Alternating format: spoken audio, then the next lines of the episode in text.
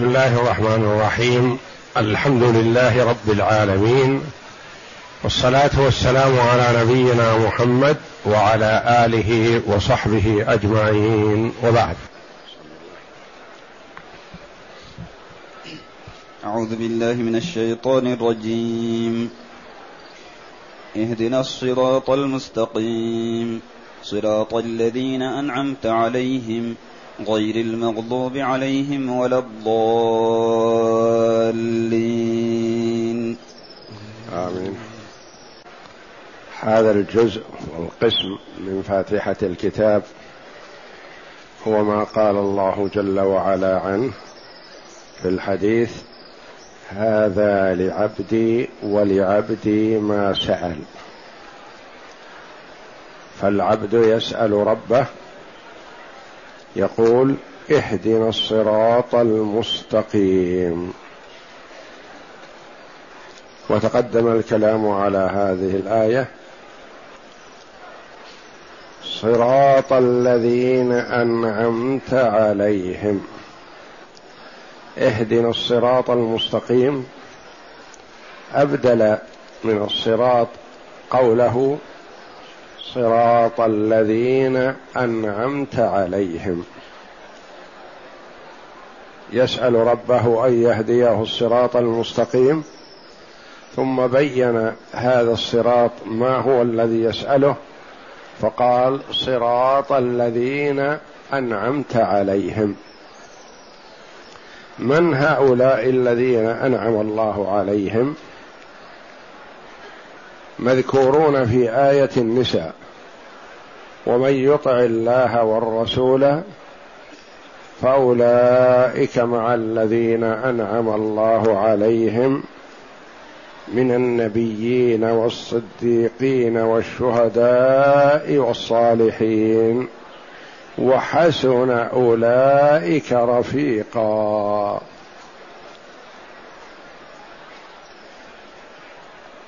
وهذا مما يمثل به في تفسير القرآن بالقرآن. ترد الآية مجملة يأتي بيانها وتفصيلها في آية أخرى. صراط الذين أنعمت عليهم من هم؟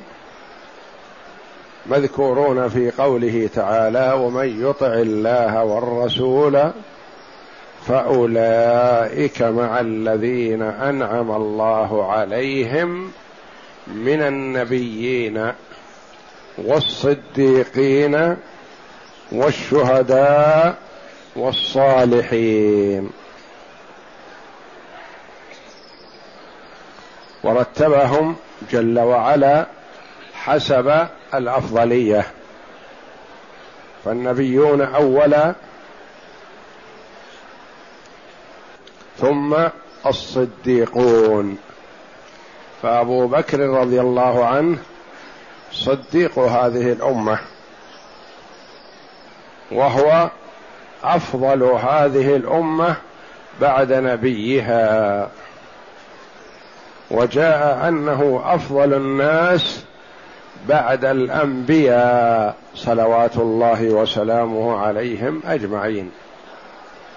فهو مفضل على سائر الأمم سوى الأنبياء. وذلك أنه هو علي رضي الله عنه أفضل أمة محمد صلى الله عليه وسلم. وأمة محمد أفضل الأمم. أفضل الأمم بعد الأنبياء. من النبيين والصديقين والشهداء. الشهداء يلون الصديقين في الفضل ومنهم عمر وعثمان رضي الله عنهم. وقد جاء في الحديث أن النبي صلى الله عليه وسلم كان على أحد فتحركت صخره فقال له النبي صلى الله عليه وسلم أثبت أحد فإنما عليك نبي وصديق وشهيدان عمر وعثمان رضي الله عنه. وعمر رضي الله عنه يلقب بشهيد المحراب لأنه ضرب وطعن رضي الله عنه وهو يصلي بالناس.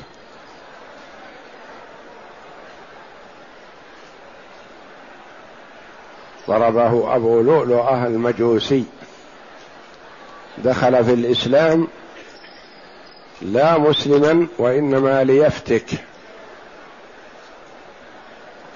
فضرب عمر رضي الله عنه وهو يصلي بالناس صلاة الفجر. وعثمان رضي الله عنه كذلك ثار عليه أهل فتنة فقتلوه في داره رضي الله عنه وهو يتلو المصحف يتلو القرآن وصائم وقد رأى النبي صلى الله عليه وسلم ليلتها في المنام.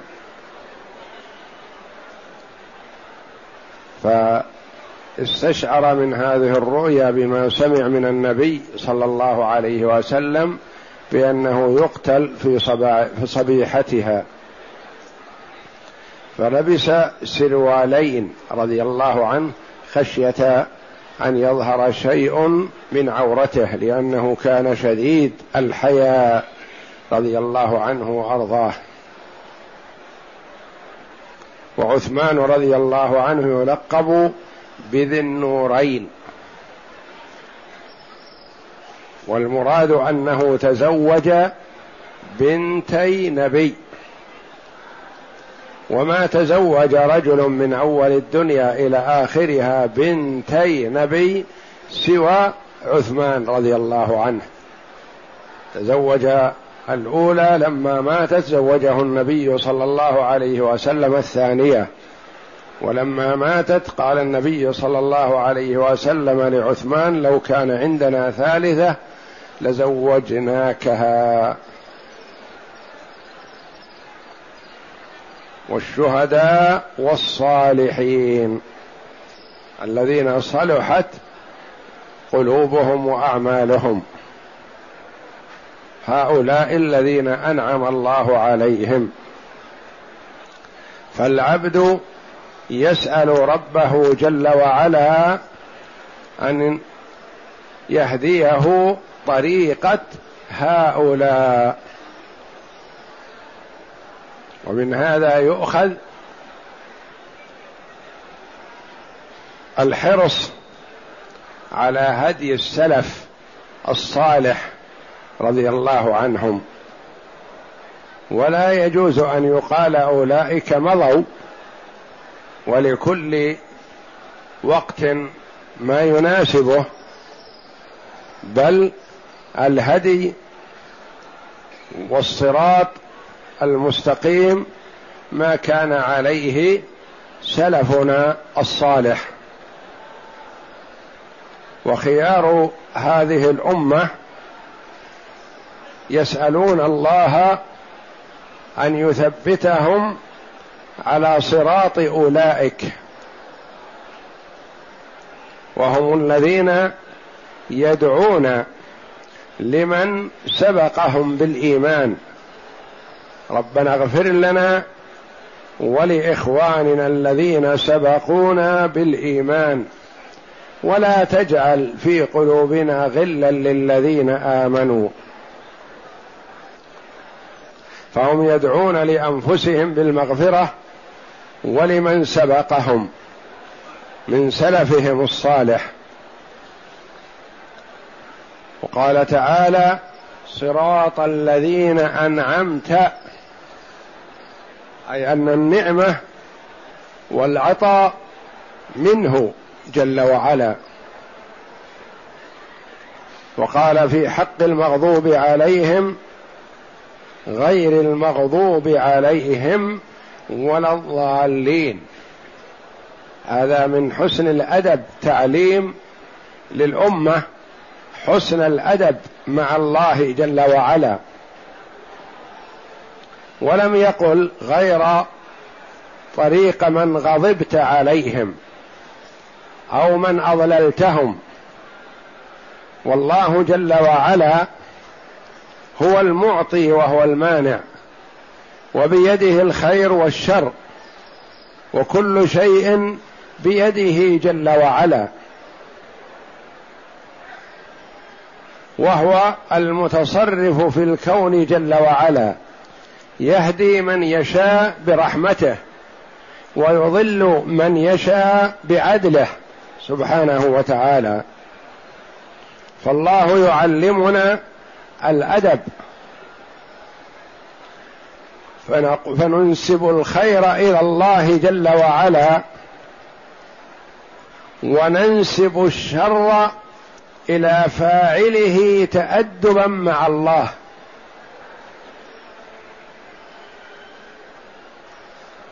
وفي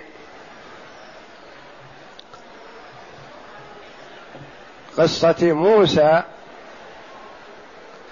مع الرجل الذي آتاه الله العلم قال فأراد ربك أن يبلغا أشدهما ويستخرجا كنزهما. في حق الغلامين والكنز الذي لهما. وقال فيما قبل هذا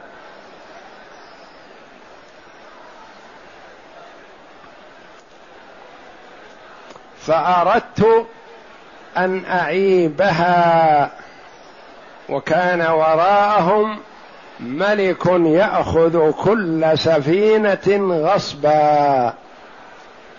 قال فأردت أن أعيبها نسب هذا العيب إلى فعله وإرادته وهو بأمر الله جل وعلا وإرادته لأنه لا يوجد في الكون شيء إلا بأمر الله وارادته بإرادة الله جل وعلا. أراده الله جل وعلا ومنه ما رضيه سبحانه وهو الهدى والصلاح ومنه ما أراده وسخطه وهو الكفر والضلال جل وعلا. صراط الذين أنعمت عليهم إضافة النعمة إليه سبحانه وتعالى. وأبهمهم في هذه الآية وبينهم في الآية الأخرى ومن يطع الله والرسول آية النساء.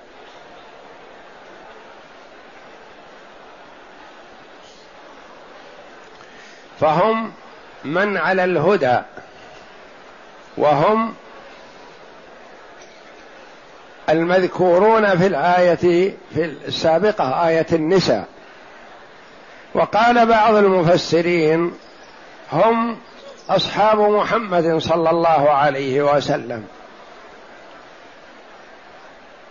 وقيل غير هذا لكن إذا تيسر تفسير القرآن بالقرآن فلا يعدل عنه إلى غيره.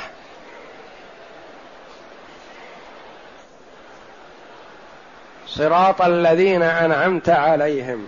قال أهل اللغة صراط الذين بدل كل من كل. يعني بدل من الصراط السابق ذكره. اهدنا الصراط المستقيم فأبدله بقوله صراط الذين أنعمت عليهم. بدل كل من كل.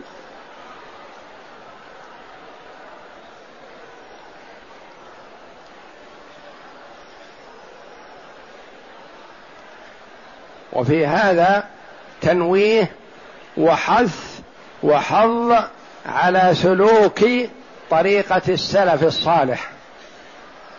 بخلاف التقليد فالتقليد مذموم. كما قال الله جل وعلا عن المقلدين على الضلال إنا وجدنا آباءنا على أمة وإنا على آثارهم مهتدون وإنا على آثارهم مقتدون. الآيتين. فالتقليد للآباء والأجداد والأسلام المعروفة بين الناس على غير هدى هذا مذموم. واتباع السلف ممدوح لأنه ليس تقليدا على ضلال وإنما تقليد واتباع على هدى. صراط الذين أنعمت عليهم. اقرأ. صراط الذين أنعمت عليهم. قال المفسر رحمه الله وقد تقدم الحديث فيما إذا قال العبد اهدنا الصراط المستقيم إلى آخرها أن الله يقول هذا لعبدي ولعبدي ما سأل. وقوله تعالى صراط الذين أنعمت عليهم مفسر للصراط المستقيم وهو بدل منه عند النحاة ويجوز أن يكون عطف بيان والله أعلم. والذين أنعم الله عليهم هم المذكورون في سورة النساء حيث قال تعالى ومن يطع الله والرسول فأولئك مع الذين أنعم الله عليهم من النبيين والصديقين من النبيين والصديقين والشهداء والصالحين وحسن أولئك رفيقا. وقال الضحاك رحمه الله رحمه الله عن ابن عباس رضي الله عنهما صراط الذين أنعمت عليهم بطاعتك وعبادتك من ملائكتك وأنبيائك والصديقين والشهداء والصالحين وذلك نذير ما قال ربنا تبارك وتعالى ومن يطع الله والرسول فأولئك مع الذين أنعم الله عليهم الآية. أي أنعمت عليهم بهدايتك وتوفيقك بأن جعلتهم على طريق الحق وعلى الدين الصحيح اسلك بنا يا ربنا مسلكهم غير المغضوب عليهم غير المغضوب عليهم. فالإنسان يسأل ربه طريق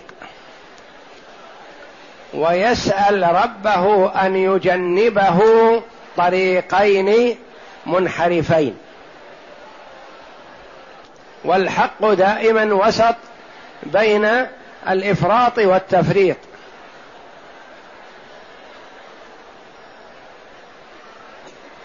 والمطلوب مطلوب من الإنسان أن يعرف الشر ليجتنبه ويسأل ربه السلامة منه.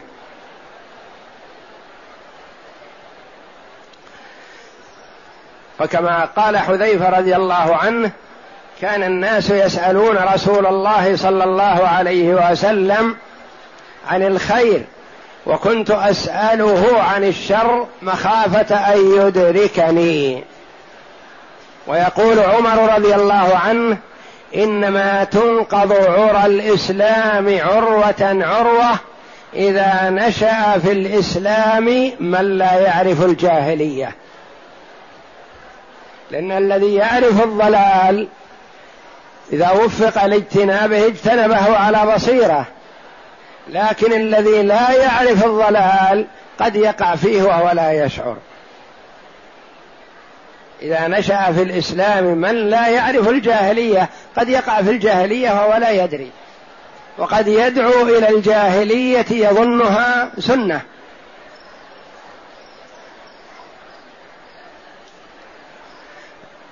أي يا ربي اهدني إلى صراط هؤلاء وجنبني طريق هؤلاء. غير المغضوب عليهم. المغضوب عليهم جاء تفسيره في, في عن النبي صلى الله عليه وسلم. المغضوب عليهم هم اليهود. وجاء في القرآن ذكر هذا بالنسبة لحق اليهود. من غضب الله عليه ولعنه. وجعل منهم القردة والخناسير من اليهود.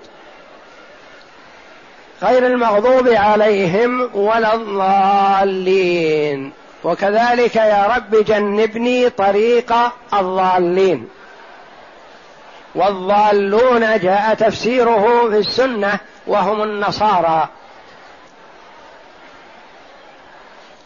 وبين جل وعلا أنهم ضلوا عن سواء السبيل النصارى. وفي هذا تحذير للأمة من مسلكين سيئين ضالين.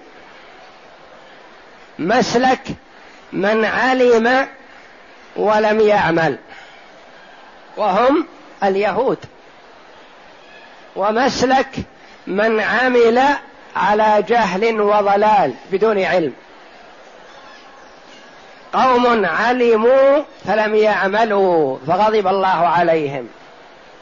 قوم عملوا ولم يعلموا فضلوا. صاروا يعملون على جهل وضلال لا على هدى. وقد يقع في الأمة من هو من هذين. كما قال بعض السلف رحمة الله عليهم من فسد من علمائنا ففيه شبه من اليهود. لأن عنده علم لكنه تركه واجتنبه ولم يعمل به والعياذ بالله فسلك مسلك اليهود. ومن فسد من عبادنا ففيه شبه من النصارى. لأنه عابد لكن على غير هدى فهو شبيه بالنصارى. والله جل وعلا يقول فاعلم أنه لا إله إلا الله واستغفر لذنبك وللمؤمنين. فاعلم اولا. ولهذا قال البخاري رحمه الله باب العلم قبل القول والعمل.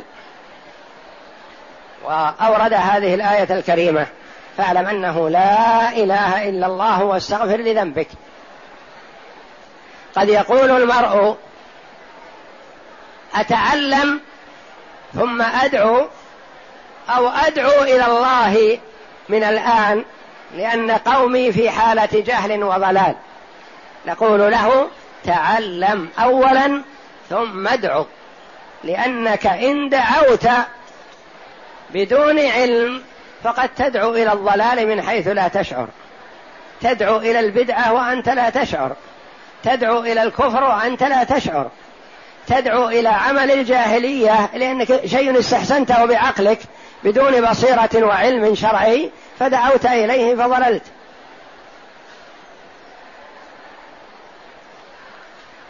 واليهود اتصفوا وغلب عليهم العلم بدون عمل.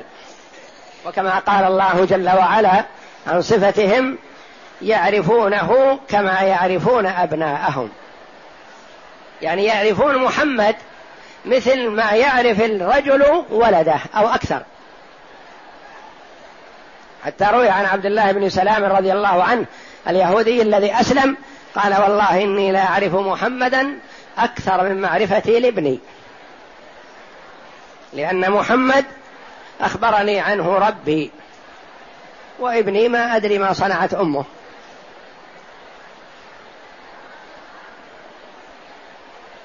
فاليهود اتصفوا بالعلم لكنهم ما عملوا به. وصفهم الله جل وعلا بأنهم كالحمار يحمل أسفارا. مثل الحمار اللي يتحمل عليه الكتب. على ظهره كتب كثيرة وكتب علمية. لكنه هل يستفيد منها؟ لا. كذلك اليهود عندهم من العلم ما لم يستفيدوا منه. ولهذا كان كفار قريش إذا أشكل عليهم أمر أرسلوا وفد من عندهم إلى اليهود يسألونهم يقولون اليهود أهل علم. وهم خونة وغششة. يغشون من سألهم. فقد سألهم كفار قريش قالوا هذه طريقتنا وهذه طريقة محمد أينا أهدى؟ قالوا لا أنتم أهدى سبيلا منه. ألم تر إلى الذين أوتوا نصيبا من الكتاب يؤمنون بالجبت والطاغوت ويقولون للذين كفروا هؤلاء أهدى من الذين آمنوا سبيلا. يقول أنتم يا كفار قريش يا أبو جهل وأبو لهب وأشباههم ونظراءهم أهدى من محمد صلى الله عليه وسلم وصحابته الكرام رضي الله عنهم وأرضاهم.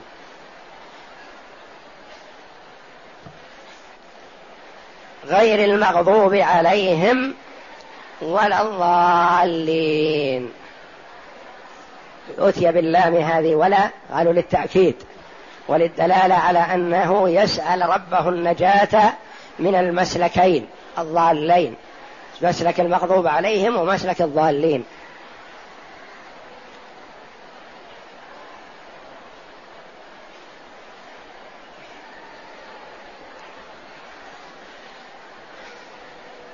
والمغضوب عليهم يعني أن الله جل وعلا غضب عليهم لما أعطاهم العلم ولم يعملوا به.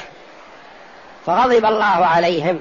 والله جل وعلا موصوف بالغضب والرضا. كما جاء ذلك في كتابه العزيز. على ما يليق بجلاله وعظمته. ولا يجوز أن يتصور أو يخطر على البال أن غضب الله كغضب المخلوق. وإنما معنى الغضب معلوم كما قال علماء السلف رحمة الله, رحمة الله عليهم المعنى معلوم والكيف مجهول. والإيمان بالصفة التي أثبتها الله لنفسه واجب. والسؤال عن الكيفية كيفية الصفة بدعة ما كان من هدي السلف. والله جل وعلا يهدي من يشاء ويضل من يشاء.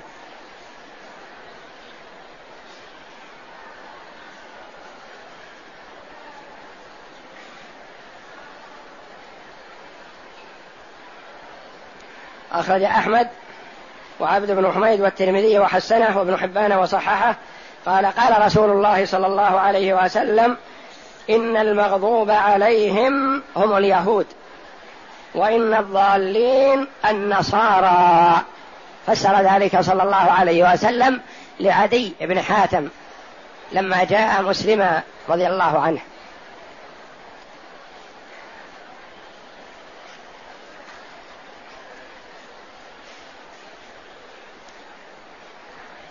وكلهم اليهود والنصارى مغضوب عليهم وملعونون وضالون. لكن غلب على اليهود الصفة بالغضب وغلب النصارى صفتهم بالضلال لأنهم يعملون لكن على غير هدى.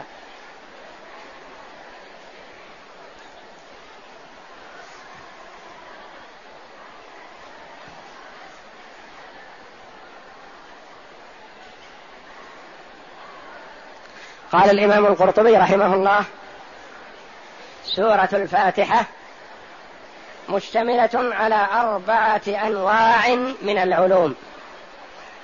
هذه السورة العظيمة فيها أربعة أنواع من العلوم وهي التي يحتاجها الناس في أمور دينهم ودنياهم.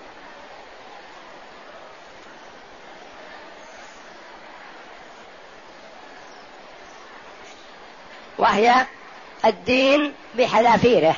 هذه الأربعة العلوم.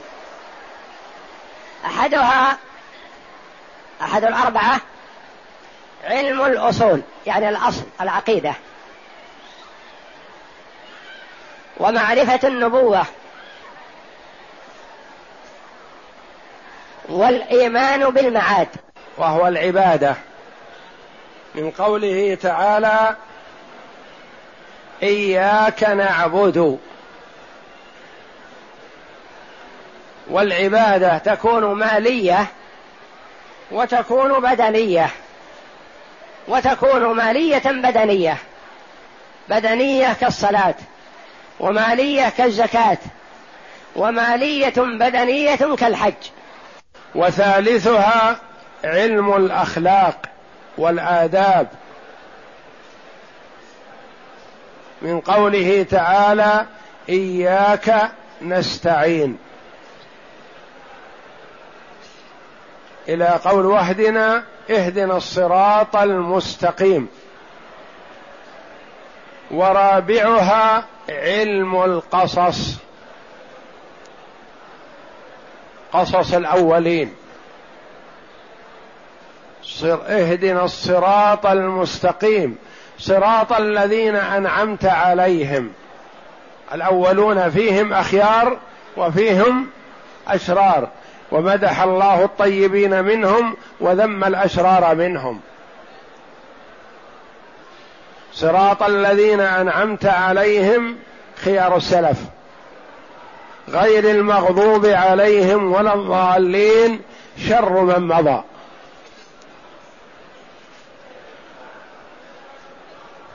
والإخبار عن الأمم السابقة أن فيهم سعداء وفيهم أشقياء. أربعة العلوم علم التوحيد والنبوة والمعاد وهذا هو أصل الدين. علم العبادات وكيف يعبد المسلم ربه. علم السلوك والأخلاق والآداب.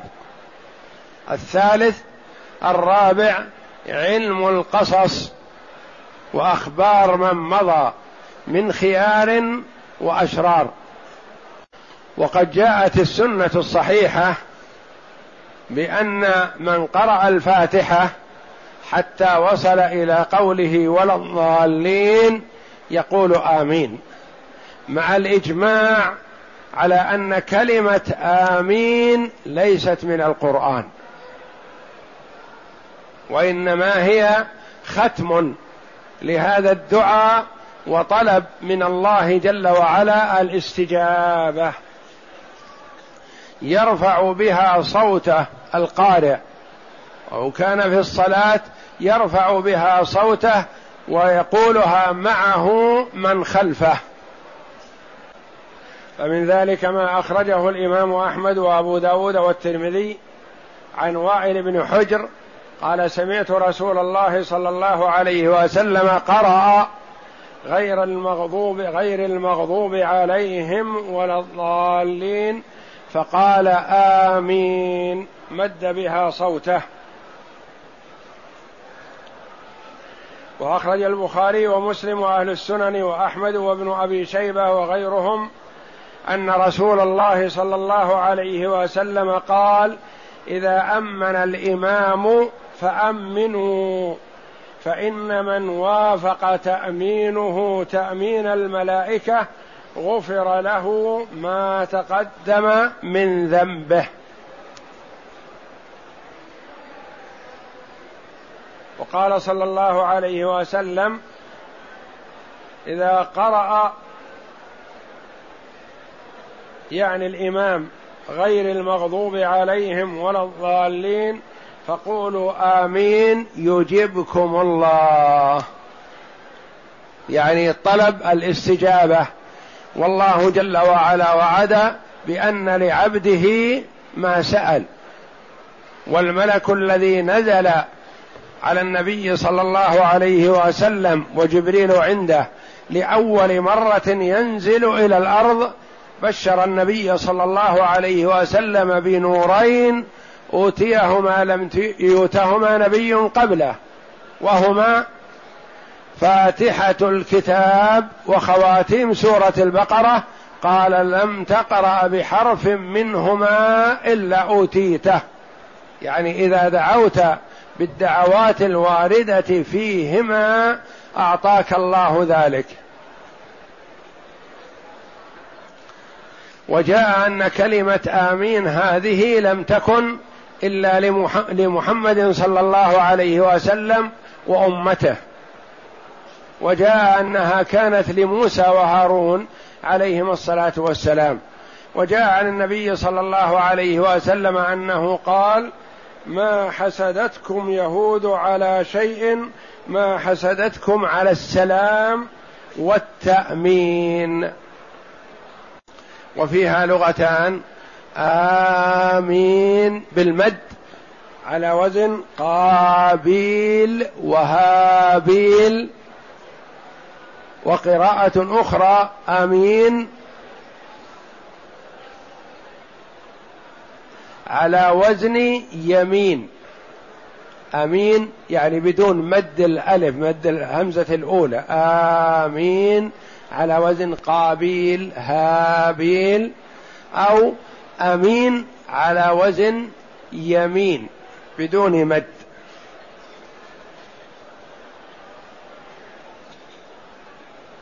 وقرأ بعض علماء السلف آمين